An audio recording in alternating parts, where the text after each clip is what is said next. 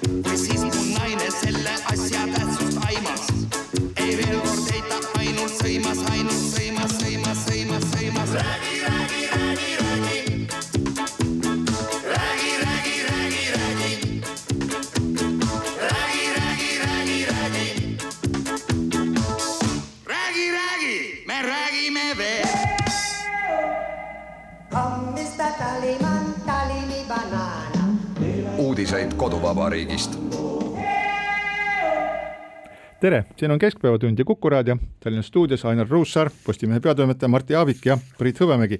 räägi, räägi, räägi, laulis ansambel Apelsin ja selja taha on jäänud nädal, mis on olnud rääkimisest täiesti tiine.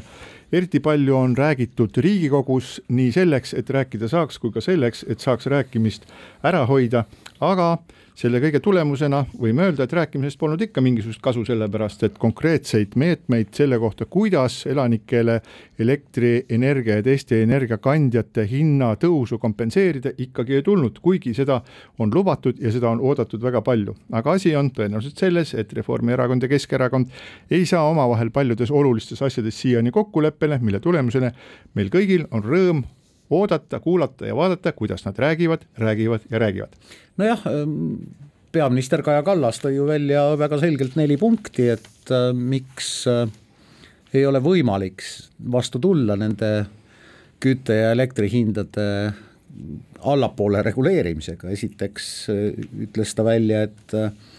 et selleks on vaja seadusi muuta ja seadusemuudatused võtavad aega vähemalt neli kuud, nii väitis Kallas. Teiseks puudutab see ainult kümmet protsenti hinnatõusu, vot sellest mina aru ei saa, sest et minu enda üüriarve tõusis täpselt kolmandiku võrra. Ja ja kolmandaks ütles Kallas, et tegemist ei ole üldise, mitte kitsalt abivajajatele suunatud meetmega ja neljandaks läheks üldine langetus, hinnalangetus energiale siis vastuolu printsiidi, printsiibiga, et energiat tuleb säästa noh, millega võib, selle viimasega võib ju osaliselt isegi nõus olla, et tõepoolest mida kõrgem on energia hind, seda rohkem ilmselt on võimalik kuidagi energia pealt kokku hoida, aga noh, meie kliimas nagu radiaatorit ikkagi maha ei keera, eks. No päris maha seda ei keera, aga selge on see, et energiasääst on ka võimalik nii lühemas kui pikemas plaanis ja ausalt öeldes mina ei saa aru sellest kemplemisest käibemaksu ümber, et siin on nii palju miinuseid selle nende maksulangetamistega hinna reguleerimisel, et noh, alates sellest, et see võtab aega, kuni selleni, et maksulangetusi on ke-, poliitiliselt eelkõige väga keeruline tagasi keerata. aga kes räägib maksulangetusest, Martti? Aga see, see on ju sisuliselt maksulangetus, kui sa tahad käibemaksu alla tõmmata. jaa, aga siis tuleb kuskilt maksu tõsta, mingit muud maksu tõsta. no just, aga jutt on ju käibemaksu langetamisest. et äh, mõistlikum on ikkagi äh, teha midagi selleks, et inimesed saaksid oma toetused kiiresti kätte, aga minu meelest seda mõistlikku poolt ka nagu väga ei paista, et et kõik need süsteemid, kuidas toetusi jagatakse, paistavad välja ju sellised, et need võtavad ka vähemalt neli kuud aega. no see on täiesti selge jah, et siin äh, ma ei tea, kas see käibemaksu ajutine alandamine kuni ke- kevadeni, et kas see nagu maksumuudatuse alla läheb, igal juhul on see Euroopa Komisjoni poolt heaks kiidetud või ma ei ma ei julge nagu öelda, et soovitatud, siis meetmete hulgas on see tõesti olemas, et mitmed riigid on seda minu teada isegi teinud, aga ma ei oska neid nimesid praegu nimetada, et need siin on täiesti ilmselgelt on see nagu tegu poliitilise valikuga, et kes seda tahaks teha, kes ei tahaks teha, Keskerakond sooviks siis käibemaksu alandada ja äh, seda ei soovi siis teha Reformierakond. Ja paistab, et see on nagu kõige, see on nagu kaks paralleelset protsessi, üks on see käibemaksu küsimus, mida siis Reformierakond äh, mingitel põhjustel nui neljaks ei soovi teha, aga noh, küllap neil on siis ka mingisugused nagu nutikamad selgitused sellele, kui kogu aeg rääkida sellest, et äh, äkki jõukamad saavad ka mingisuguse, saavad äh, ka mingisugust toetust, et tuleks sihitult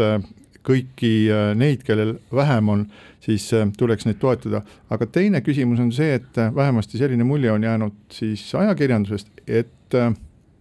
kui Reformierakond teeb mingisuguse väikese järeleandmise, ütleb, et okei okay,, et teeme siis niimoodi, siis läheb Keskerakonnal natukene aega selleks, et tulla välja mingisuguse uue põneva ideega ja öelda, et oot-oot-oot-oot, teeme, teeme veel, teeme veel, et minule on viimased, viimasel nädalal hakanud see olukord meenutama seda Bideni ja Putini oma, omavahelist kemplemist. kuigi ma ei oska öelda, et kes selles olukorras peaks olema Biden ja kes peaks olema Putin. aga igal juhul on nii, et äh, üks pool teeb selliseid äh, noh, võib-olla ka natukene reaalsusest välja minevamaid, minevaid ettepanekuid selleks, et teise poole tugevust testida, et millal nad järele annavad, millal kannatus katkeb, mis nüüd saab siis, kas lendab valitsus õhku või tõepoolest antakse järele, mille tagajärjel siis Keskerakond võib öelda, et voilà, palun väga, et näete, saime hakkama, siin on teile käibemaksu alandamine, siin on teile kompensatsioonid, kõik, elage inimesed ja nüüd ootame järgmisi no valimisi. tavaliselt äh, poliitikud ju ütlevad, et reitingud need üldse ei vaata ja see mitte midagi ei loe, ei ütle nii aga Martin, ma ei ole nõus okei. Nad vaatavad seda tohutult. aga nad ütlevad, et nad ei vaata. Nad ütlevad, et nad ei vaata, see on see, mis oli minu mõte, aga ma jõuan järgmiseni, et et arvatavasti on see taktika nagu välja mõeldud sellel hetkel, kui Reformierakonnal oli pikalt olnud eh, nokk allapoole, nüüd on Reformierakonnal nokk ülespoole, et võib-olla peaks eh, Keskerakond ka vaatama, et, et äkki see taktikaline, taktikavalik ei ole maailma kõige parem no viimane kui Emori, neil just ei ole tagataskus nagu uut valitsuskoalitsiooni või midagi sellist. noh, need uuringute eh, protsendid kõiguvad seal kuskil kolm-neli protsenti, aga viimane Emori uuring näitab küll ikkagi eh, EKRE edu. kakskümmend kaks protsenti, Eesti kakssada on teine eh, Emori detsembri uuringus, kakskümmend protsenti. no see on ka klassika, et meil on Eestis suur häda nende sotsioloogiliste küsitlustega, et mul on tunne, et suur osa neid, kes neid teevad, ei oska neid teha lihtsalt. no Emori puhul on, näit- on raske seda näitavad, kahtlustada. näit- näitavad aiateibaid siia ja sinna ka isegi pärast valimisi, nii et no ja selleks on vist äh, ERR teeb seda komposiitindeksit, mis tegelikult on natukene naljakas, sellepärast et kuna metoodika on erinev, et siis komposiiti ei tohiks kokku võtta selliseid erineva metoodikaga tehtud uuringuid, aga aga noh, seda on nad, seda on nad, seda on nad teinud, võib-olla väljapääs selleks oleks see, et pikaajalise trendiga välja võtta see uuringu tegija, kes annab äh, läbivalt kõige täpsemaid äh, tulemusi siis äh, mingisuguste valimiste eel iga nelja aasta tagant siis. ei no iga nelja ja nel, jah, nii kohalikel kui siis Riigikogu valimistel, aga see selleks, et mingis mõttes on ju see, need äh, toetustabelid või toetusreitingud, need on ju ka selline nagu poliitiline, poliitiline mängumaa ja, ja see, mis sa ütlesid, et, et äh, poliitikud ei tunnista seda, aga tegelikult tunnistavad, see on nüüd väga huvitav, ma mäletan, et eh, kunagi ühes ajalehes, kui te, eh, tehti väga suurt kõikehõlmavat eh, uuringut enne valimisi ja teisi selliseid nii massiivseid uuringuid ei olnud, siis neid kuulujutte, mis oli siis poliitikute hulgas, kuidas nad juba kõik teadsid ette, kusjuures nagu toimetus ei olnud saanud kätte veel uuringu tulemusi, aga poliitikud juba teadsid, mis seal on ja juba helistasid ja küsisid, kuidas sellega on ja mis siis saab. ja vastas tõele Äh, osadel jah, tõepoolest vastas, osadel mitte, nii et mina ei tea, kas neil on mingisuguse, kas, kas mõnel erakonnal on ka mingisugune mingisugune hea käsi kuskil sees, aga noh, tõe, tõenäoliselt erakonnad, kes on või need uurimisfirmad, kes müüvad ju ka erakondadele pidevalt neid mitmesuguseid uuringuid, küllap neil on ka selline võimalus, et kuule, ma võin sulle natukene öelda, et kuidas see asi päriselt läheb, aga siis äh, tõepoolest selle, kui me selle energia hinnast veel äh, edasi räägime, siis sa, Martti, ütlesid seda, et äh, kuidas nende asjade, et nende asjade manageerimine peaks olema siis äh, mõistusepärane, et nüüd, kui me võtame selle, mis on minu meelest nagu positiivne, siis võrgutasu alandamise ja käibemaksumäära ajutise langetamise pool on see, et see on automaatne ja et selleks ei ole vaja mingisugust suurt äh, erilist manageerimist, kui keegi valitsuses kaebab, et nad ei saa seda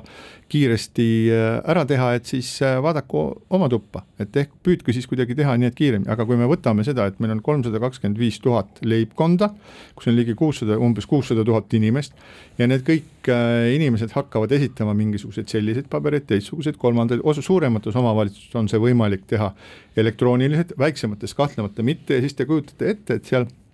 on mingisugused vastuvõtuajad kuskil väikses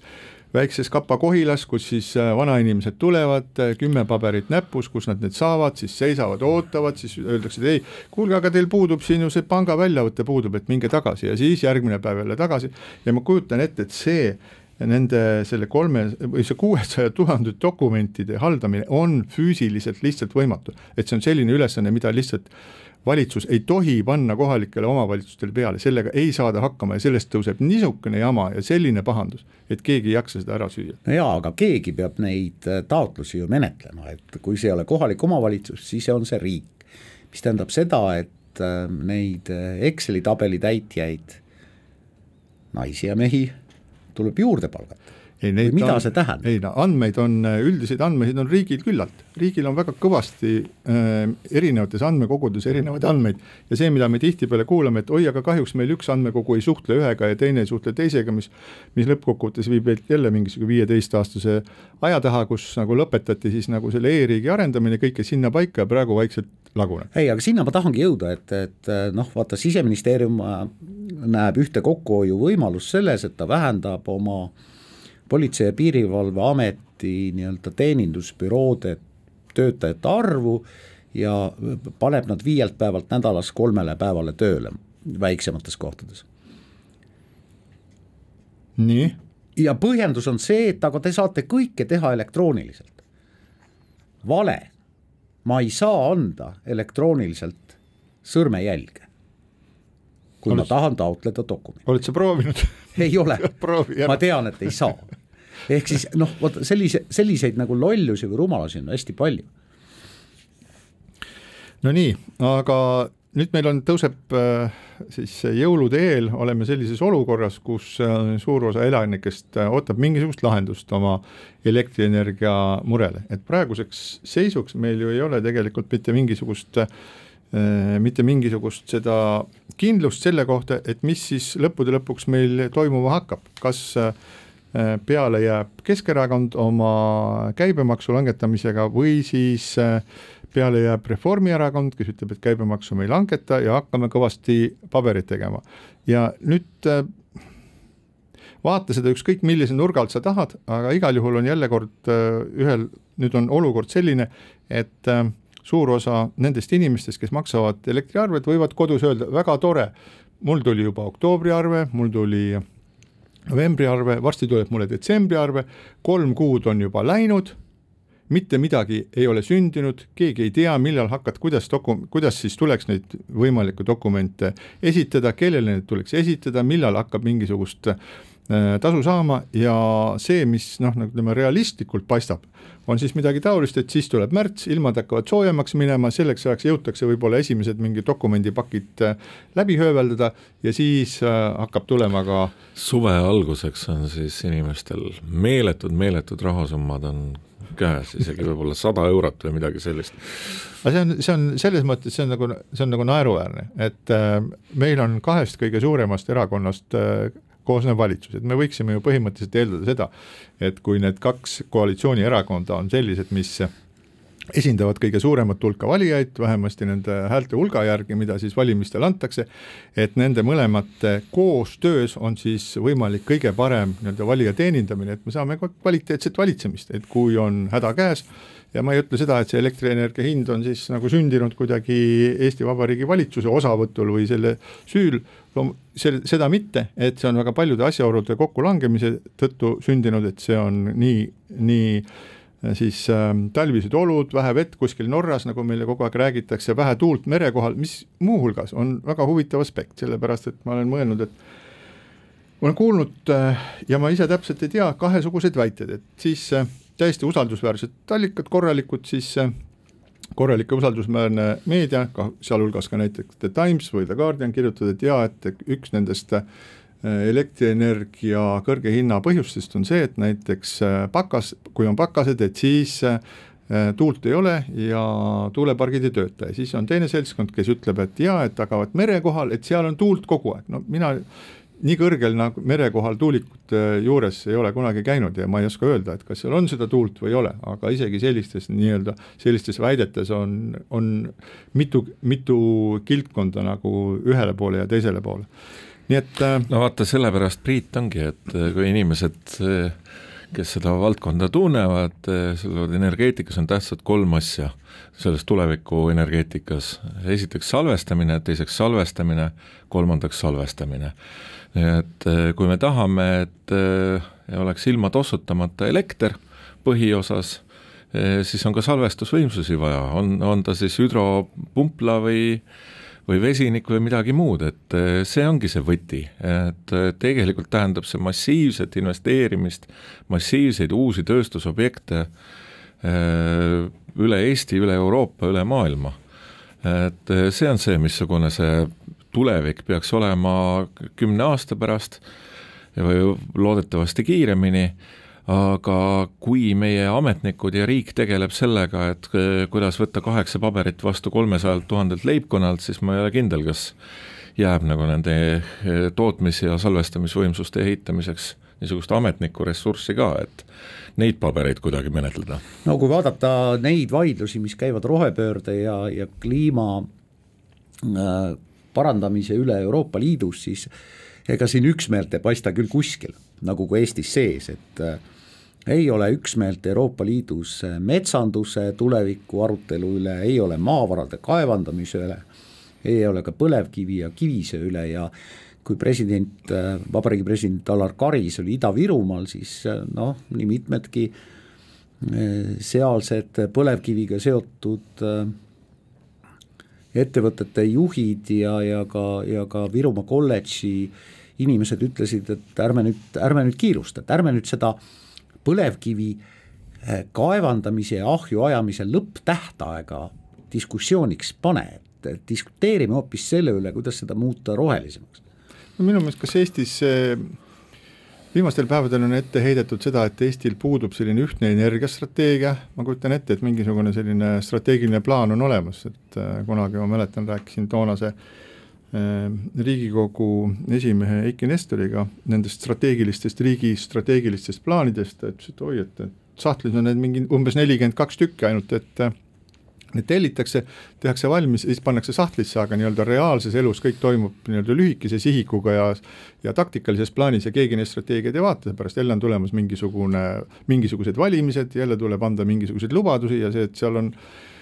mingisugused pikaajalised plaanid kuskil sahtlis, et need sinna jäävadki, et oli tegemise lõbu nendel, et äh, minu meelest ei ole meil siiski Eestis nii, et sellele põlevkivile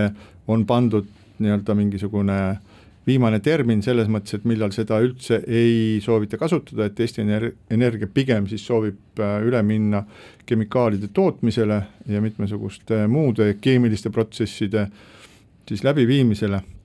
mis on põlevkivi baasil. Ja mina olen üldiselt äh, sellel veendumusel, et see on meie energeetiline maavara, et äh, sellega tuleb tegeleda, iseenesest kuigi Eestis on seitsekümmend, kaheksakümmend aastat uuritud põlevkivikeemiat, siis äh, mis on iseenesest nagu väga tore, et teame rohkem kui teised, aga ega selle tulemusena me ei ole suut-, suudetud Eestis leiutada mitte midagi muud, oluliselt uut peale põlevkivist mille, mingisuguste kütteainete utmise ja põlevkivi põletamise, ehkki seegi on muutunud natukene paremaks, et tegelikult ma ütleksin, mis võib-olla puudutab seda ka, mida sa, Martti, ütlesid, et põlevkivi kui energeetilise ressursi kasutamises energeetikas ei ole toimunud sellist nagu kvantitatiivset hüpet või kvalitatiivset hüpet, et seda ei ole olnud, et me sisuliselt oleme ikka samas kohas, kus me olime siis, kui Eesti Vabariigi ajal tehti esimesed kaevandused ja siis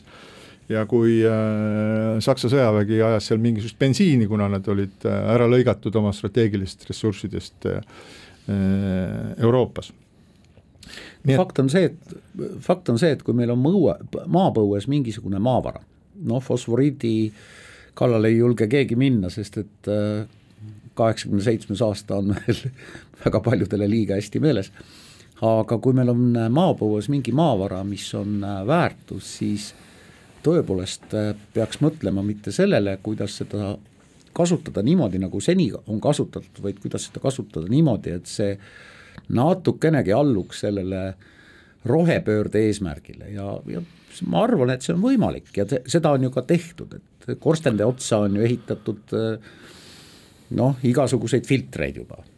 ja pandud lipukesi erinevatel aegadel. ja, ja, ja, ja kõik kõik te olete käinud Kundas kolmkümmend aastat tagasi ja olete ilmselt käinud äh, Kundas ka mõned aastad tagasi, et noh, see on täiesti erinev linn. peal enam tsemendikihti või tsemendikuurikut ei ole. see on täiesti teine linn, et eh, noh, siin eh, ma arvan, et selle rohepöörde sõimamine on natukene imelik, jah, loomulikult poliitikud suudavad oma loosunglikkusega teha või loosungliku jutuga teha igast asjast nagu natukene niisuguse naljanumbri, mida on kerge naeruvääristada aga mõtleme nüüd, et sa tõid esile just täpselt selle, mis on nagu inimeste tervise, meie elukeskkonna maailm ja tegelikult, kui see rohepööre nüüd tõsiselt ette võetakse, suudetakse Eesti, Eestis ka investeeringuid tekitada sellesse valdkonda nagu suuremahuliselt, see ju tähendab seda, et inimesed saavad tööd, terve põlvkond saab tegelikult selle pöör-, pööramise käigus tööd, see tähendab tehnoloogilist arengut ja kõike muud, eks ole, nii nutikamad kui natukene totumad saavad väga huvitavat põnevat tegevust, millel on ka ekspordipotentsiaal, nii et tegelikult ei maksa selle mingisuguse tipukoormuse või tipuhinna järgi arvata, et nüüd on elektriarve natukene kõrgem ja siis kogu Eesti rahvas sureb ära. et äh, igas sellises äh, kehvas olukorras tuleks vaadata seda, et mis on äh, kuidas, kuidas me nagu edasi hakkama saame. ei surnud Eesti rahvas ära aastal kaheksakümmend üheksa ega üheksakümmend ega üheksakümmend üks mil hinnatõus oli katastroofiline, mil poes ei olnud kaupa saada ja mil kehtisid talongid, et nõrge, nõrgemaid tuleb aidata võimalikult kiiresti, võimalikult väikese administratiivse kuluga selle juures ja see noh, üldsõnaliselt ei ole ju nii keeruline, eks ju. ja siinkohal väike paus. keskpäevatund. Tallyman, tally me banana. uudiseid koduvabariigist. keskpäevatund jätkab, Ainar Ruussaar, Mart Jaavik ja Priit Hõbemägi. kuku raadio stuudios räägime nüüd natukene sellest, millest me oleme terve aasta rääkinud, räägime koroona, räägime koroonapandeemiast ja räägime omikron tüvest. selge on see, et uued koroonasse nakatumise rekordid on meil ukse ees tegelikult Euroopas, nad on juba olemas, nad on olemas sellistes riikides, kus on kõik, kus on Euroopa ühed kõrgemad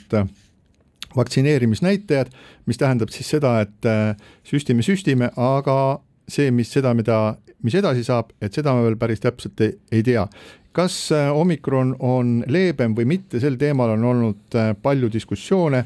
nii Eesti meediaväljaannetes, arstide hulgas kui ka maailmas üldiselt ja võiks öelda, et selle kohta veel päris ühtset seisukohta ei ole, kuna väga palju omikroni äh, haig-, haig-, haigestumisjuhtumeid ja haiglasse sattumisjuhtumeid, ka surmajuhtumeid mõõdetakse nendes riikides, kus vaktsineerimistase on, ongi nii või teisiti kõrge. Priit ja omikron on äh, ainult äh, natuke rohkem kui kolm nädalat vana. just nimelt ja juba ta on haaranud enda alla kogu meie tähelepanu, nii et me oleme täiesti ilmselgelt nakatumisgraafikute järgi oleme jälle ühe uue laine alguses, nii et äh, võib-olla ei olegi mõtet enam siin äh, minul vähemasti hakata pahandama Tanel Kiigega, et ta ei ole suutnud omikroni tüvesse nakatumist ja omikroni tüve levimist maailmas ära hoida, nii et täna me seda kindlasti ei tee. ei ole mõtet jah, aga ma arvan, et äh, tegelikult sõnumid võiksid olla ka valitsuse poolt ja tegelaste poolt selgemad, et et kui väga palju inimesi nakatub, mis juhtub? juhtub see, et eh, väga palju inimesi on siis kodus eh, karantiinis kui nad on kodus karantiinis, siis nad ei saa näiteks lund ära lükata, ei saa kassas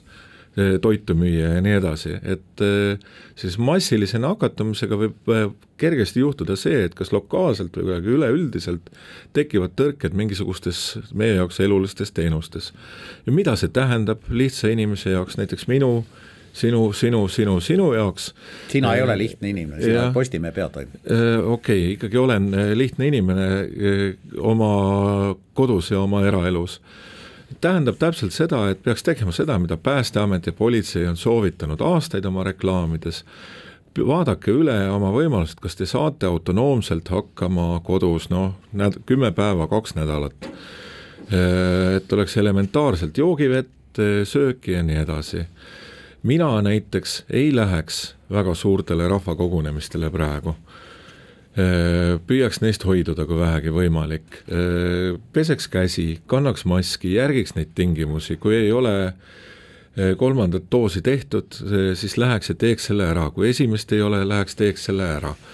et äh, need on äh, need meetodid, et mille peale nüüd inimesed ise peaksid ka tõsiselt mõtlema ja tegelikult peaks kogu avalikkus ja ja valitsus ka nagu ütlema, et, et me oleme millegi väga tõsise ees. Jah, me kõik ei sure ära, aga kui väga palju inimesi korraga haigestub, siis me jõuame ka uuesti sellesse hetke, kus haiglad on ülekoormatud,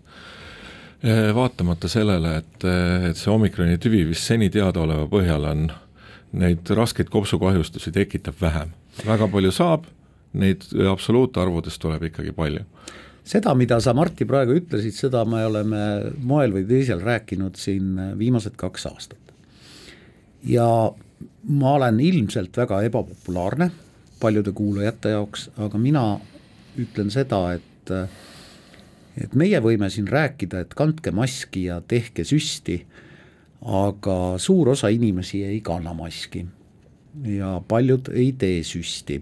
Aga kus sa neid maskita inimesi näed, et ma käin küll ma näen neid ühistranspordis täna no, seal, hommikul. no jaa, okei okay,, seal ma ei tea, aga no ütleme, suurtes kaubanduskeskustes on inimesed ikka praktiliselt jaa, sellepärast, et müüa, ma olen korduvalt näinud, kui ka kassiir ütleb, et ma ei teeninda sind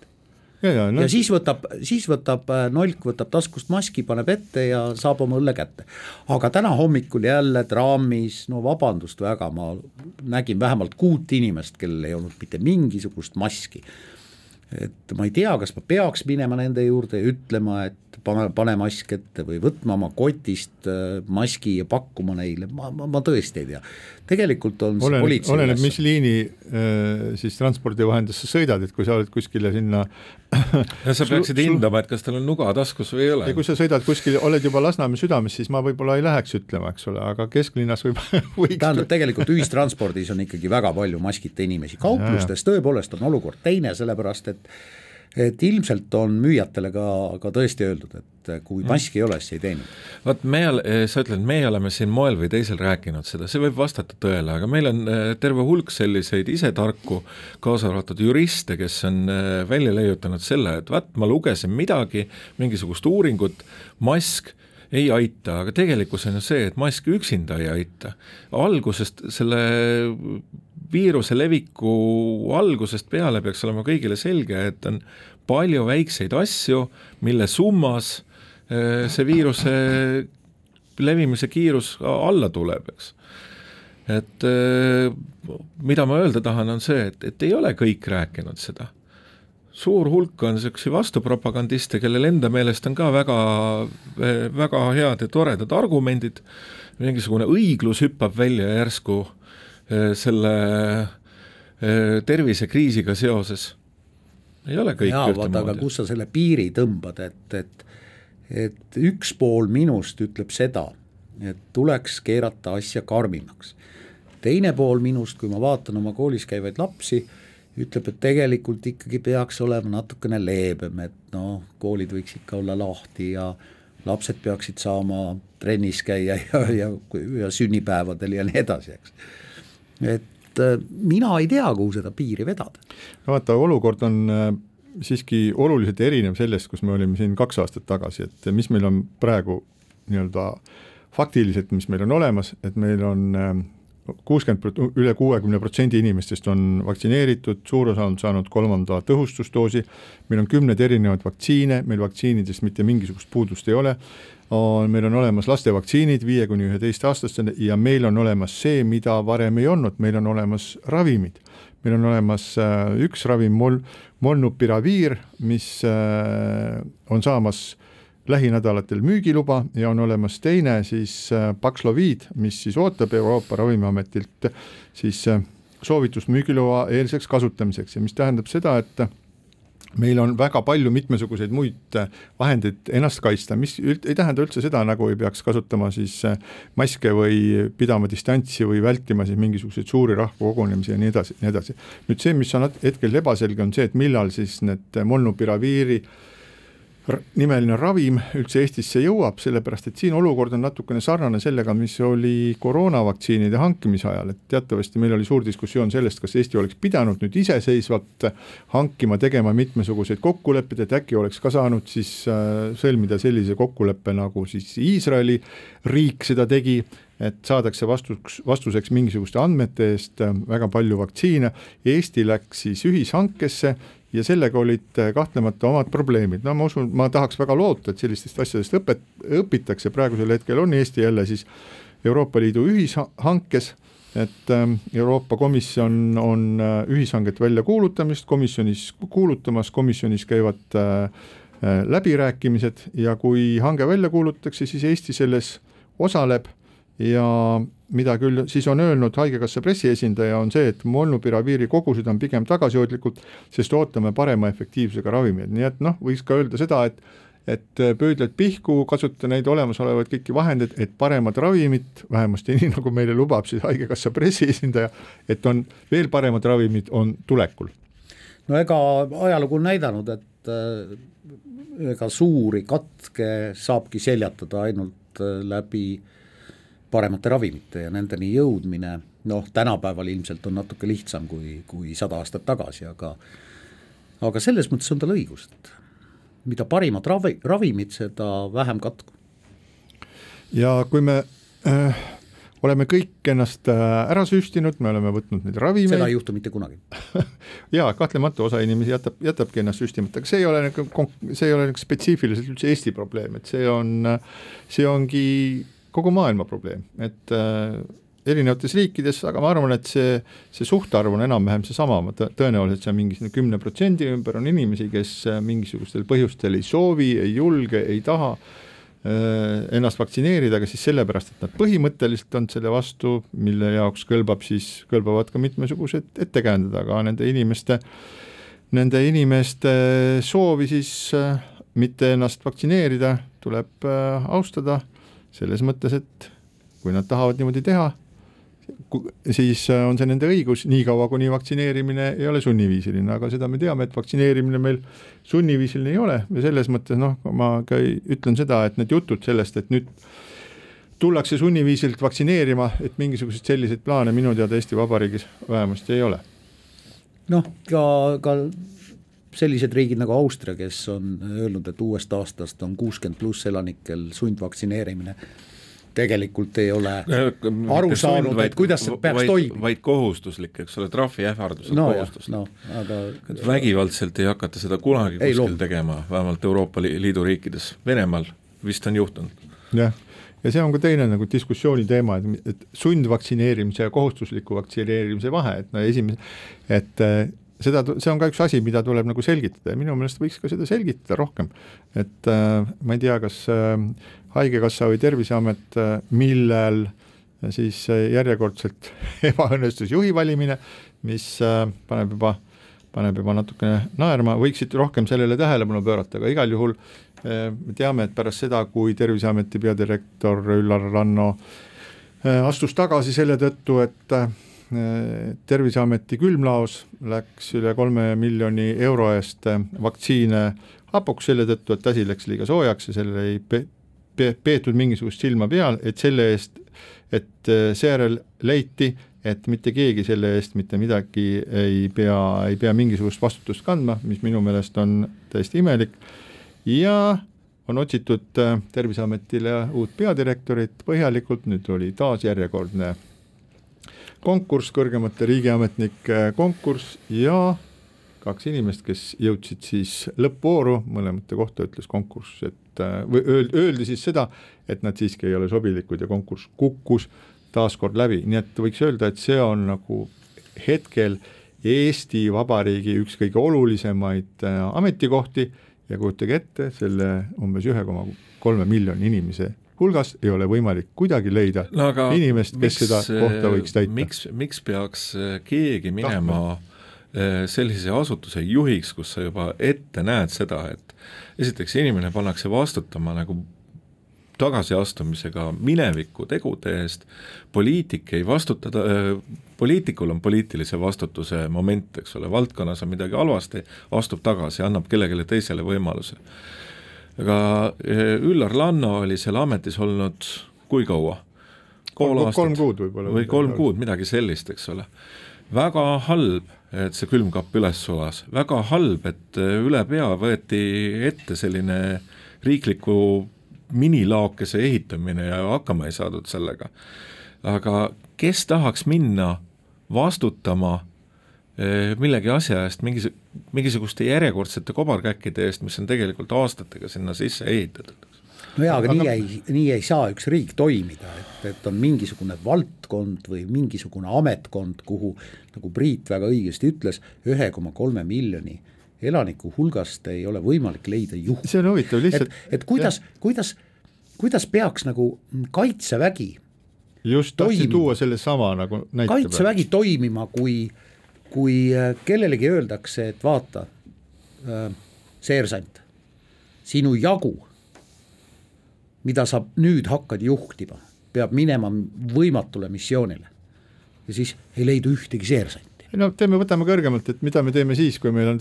reaalne mingisugune äh, sõjaline konflikt mingisuguse mõne suurema, mõne suurema ja, ja meie suhtes ebameeldivalt käituva riigiga ja siis on vaja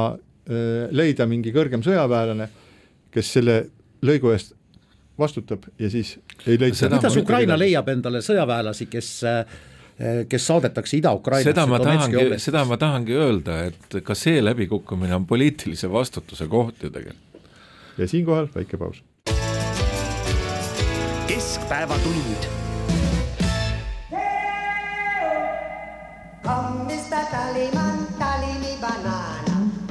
Uudiseid koduvabariigist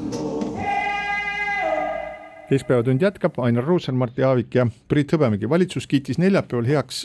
ühe määruse, mis kannab sellist ähm, nime nagu sidevõrkude turbemäärus ja selle alusel hakkab siis Majandus- ja Kommunikatsiooniministeerium panema oksjonile või selle alusel paneb äh, ministeerium oksjonile 5G kolm sagedusluba. 5G on nüüd äh, selline äh, mobiilisagedus, mis võimaldab kaua räägitud kui seni veel enneolematut asja ehk nii-öelda asjade internetti need saatjad asuvad tihedamalt, see sagedus on, on äh, kõrgem ja mitmesugused vastava saatjate ja anduritega varustatud esemed saavad siis omavahel vahetada informatsiooni, noh põhimõtteliselt võime eeldada seda, et et kui meil on näiteks mingisugune isejuhtiv Tesla auto äkki ja see sõidab siis piirkonnas, kus on viiekümne kilomeetri tunnikiirus, muidugi autod tänapäeval oskavad radariga neid lugeda, aga ta saab ka selle märgi külge kinnitatud mingisuguselt äh, saatjalt andmeid selle kohta, mis seisab ees, ehk asjad hakkavad omavahel siis suhtlema, kõige primitiivsem nii-öelda variant sellest on see, et kui külmutuskapile ilmub äh, siis tabloole kiri, et piim on otsas et äh, too piima, mis tähendab seda, et äh, piim tuleb panna mingisuguse koha peale, mis on, kus on rõhuandur, et kui sa paned piima üles riiulile, siis ei saa see külmutuskapp sellest midagi aru, aga nüüd äh, selle sagedusoksjoniga on olnud väga suur ja pikk arutelu, on olnud neli firmat, kes on soovinud siis neid luba, neid lube omavahel jagada, üks neist on olnud Levicom, peale selle siis Telia, Elisa ja Tele2 ja pikka aega on selle üle vaieldud, kaks-kolm viimast aastat, et eh, mitu luba pannakse ja nüüd on siis jõutud eh, sellisele otsusele, et oksjonile pannakse kolm luba ja need kolm luba, see tähendab automaatselt seda, et kõik meie kolm suurt eh, telekommunikatsioonihiidu, Tele2, Elisa ja mm, Telia saavad igaüks endale ühe loa ja Levicom jääb sellest ilma. no 5G puhul on, on üks vaidlusteema või üks noh, minu jaoks natuke müütiline teema olnud see, et kui sinu poolt viidatud piimapakk suhtleb minu telefoniga, et siis ei, see rõhuandur suhtleb rõhuandur suhtleb piimapakiga ja minu telefoniga, et siis kes suhtleb veel minu telefoniga, nii et ma seda ei tea. ma mõtlesin, et sul on mure, et kes siis sinuga veel suhtleb, kui kes siis minuga veel suhtleb aga ma isegi küsin teie käest, et kuidas te olete aru saanud sellest, mina tean seda, et edukad riigid varasemate sidetehnoloogiate üleminekute juures on olnud need, kes ei ürita saada kohe alguses raha kätte, vaid üritavad suunata ettevõtteid selle poole, et see tehnoloogiline üleminek oleks hästi kiire, et need võrgud tekiksid kiiresti. ja Eesti niisugune sideedu, niivõrd kuivõrd see oli, eks ole, teame, et igale poole, igasse maanurka ei ole siiamaani jõudnud, äh, seisnes ka täpselt samas. aga kas see praegune süsteem, kolm luba oksjon, äh, tagab seda, et ettevõtted ehitavad välja äh, need võrgud hästi kiiresti, et me tõepoolest jõua-, saaksime selle tehnoloogilise kasu kätte ühiskond saaks sellest mingisuguse edu, et see piimapaki näide on üks, aga aga noh, võime kujutleda ju, eks ole, tööstustransporti ja nii edasi ja nii edasi, mis sellest äh, nagu suuremahuliselt kasu saab ja kust see efektiivsus tuleb? ma arvan, et tagab. Äh, Eestis on ajaloost üks näide, erinevalt Leedust näiteks. Äh, Leedu on ise tunnistanud, et nad tegid üheksakümnendatel, kui mobiillävi hakkas, hakkas arenema ja levima, tegid selle vea, et iga operaator sai püstitada oma masti ja Leedus tõepoolest võib siiamaani, kui seal ringi sõita, näha seda, et kõrvuti on kolme erine-, erineva operaatori mobiilsidemasti. Eesti seda lollust ei teinud, Eesti operaatorid suutsid ikkagi jagada ära nagu ühe masti äh, ruumala ja pindala, et sinna panna oma, äh, oma nii-öelda mm, saatjat või, või levitajat. et mina olen väga optimistlik et need kolm äh, operaatorit, kes selle 5G-ga tegelema hakkavad, teevad seda kiiresti, teevad seda võimalikult odavalt, selleks et kliente oleks võimalikult rohkem. selle, kogu selle 5G võrgu sagedusoksjoni taga on veel hästi palju mitmesuguseid muid varje, mis on seal nii-öelda Platoni järgi koopa seinal liikunud, üks neist on olnud siis Hiina telekommunikatsioonifirma Huawei oht et äh, mäletame, et kogu see temaatika algas siis äh, Ühendriikide presidendi Donald Trumpi ajal, kes siis äh, asus eriti aktiivselt Huawei'd survestama ja levitama siis seda kontseptsiooni, et Huawei on julgeolekuoht lääneriikidele ja läbi siis äh, vähehaaval see siis hakkas levima, näiteks Ühendriikides Huawei telefone lõppkokkuvõttes üldse ei müüdudki, Eestis neid müüdi, oli väga häid telefone, isegi kasutasin fototelefonit, aga tänaseks päevaks on Huawei suusad läinud niivõrd risti, kuna äh, järelikult ei ole siis Huawei suutnud tõestada suurtele lääneriikidele seda, et nende et selle, nende toodete varjus ei saa teha nii-öelda mingisugust Hiina luuretegevust. Ja Elisa oligi just see, kes, kelle partneriks oli Huawei 5G tehnoloogias. Ja nüüd on siis lood niimoodi, et Elisa juhtfiguur Sami Seppänen, kes on seal Eestis üsna hästi tuntud ja, ja pidevalt rääkis ka seda, et see pole see Huawei nii hull midagi, on nüüd oma kohalt lahkunud Elisa tegevjuht on Andrus Hiiepuu ja nagu tema on siis äh, teatanud, et äh, Elisa ehitab tulevikus oma 4G ja 5G võrgud Nokia seadmetele, nii et see oli ka väga suur nii-öelda turvateemaline käteväänamine, mis siis toimus kogu selle äh, kogu selle asja taga, aga miks äh, mulle tundub, et see praegune energiakriis on tegelikult, osutab meile suunda selleks, et mis kasu me sellest 5G-st tegelikult võiksime saada peale selle, et meil külmutuskapp ütleb midagi või mingisugune teine üks seade suhtleb teisega, millest meil ei ole mingisugust kasu, aga vaadake, meil on nüüd äh, kõrgete energiahinna tingimustes, meil on kodudes väga palju energiamahukaid seadmeid, meil on näiteks äh, meil on näiteks elektriahjud, meil võib olla mingisugune kellelgi elektriküte, pesumasin, kuivati ja nii edasi ja nii edasi, sellised suured seadmed, mida ei ole üldse mõtet käivitada sellisel kellaajal, kui elektri hind on väga kõrge. ja siin minu meelest see on üks selliseid äh, aspekte, kus see 5G on, osutub inimestele nagu majanduslikult väga kasulikuks, et kui need seadmed omavahel võrgus olles, mis tarvitavad palju energiat, omavahel võrgus olles suudavad meile öelda seda, et või ise lülituda sisse näiteks äh,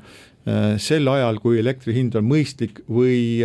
anda meile teada, et praegusel, ei ole praegusel kellaajal mõistlik korraga hane küpsetada ja siis äh, äh, pesutsentrifuugida, et ühe selle tegevuse võiks lükata viisteist minutit edasi, et sellega hoiame, vähendame koormust või, või siis hoiame raha kokku. et sellest oleks nagu reaalne kasu, aga sellest, et minu telefon suhtleb, ma ei tea, piimapakiga või siis, või siis mingisuguse muu asjaga, et selles ma nagu erilist edu ei näe. no on seadmed ja elurütm, Priit, mida sa sõltumata hinnatu-, tundlikkusest muuta ei saa, ehk siis sa ei saa külmkappi päevaks välja lülitada ja ei, ilmselt enamus inimesi ei hakka elektripraeahjus hane küpsetama pool neli öösel. no Terviseametis sai ju et jah, nemad, nemad, nemad said hane, nemad said. hane küpset, hane küpsetada külmruumis. aga tegelikult ma, sa, su küsimus oli see, et kas Eesti suudab ennast kokku võtta siis, et teha järjekordset mingisugust äh, Äh, IT-alast tiigrihüpet, no ma väga tahaks loota, sellepärast et sellest viimasest hüppest, mis ometigi tõmbas rahvast nii kõvasti kaasa ja millest oli ka reaalset kasu, et et äh, sellest on nii palju aega möödas ja nii nagu enne siin sai ka mainitud, et äh, see hoog sellest IT arendamisest on maha käinud. et praeguseks hetkeks on väga paljud sellised üldkasutatavad süsteemid, mida siis me kodanikena kasutamine juba üsna-üsna vananenud ja on vaja teha üks tõsine äh, peale kõigi muude muudatuste on vaja teha ka sel ajal tõsine muudatus, aga nüüd täname teid, head kuulajad, selle saate kuulamise eest ja soovime teile häid saabuvaid jõule. keskpäevatund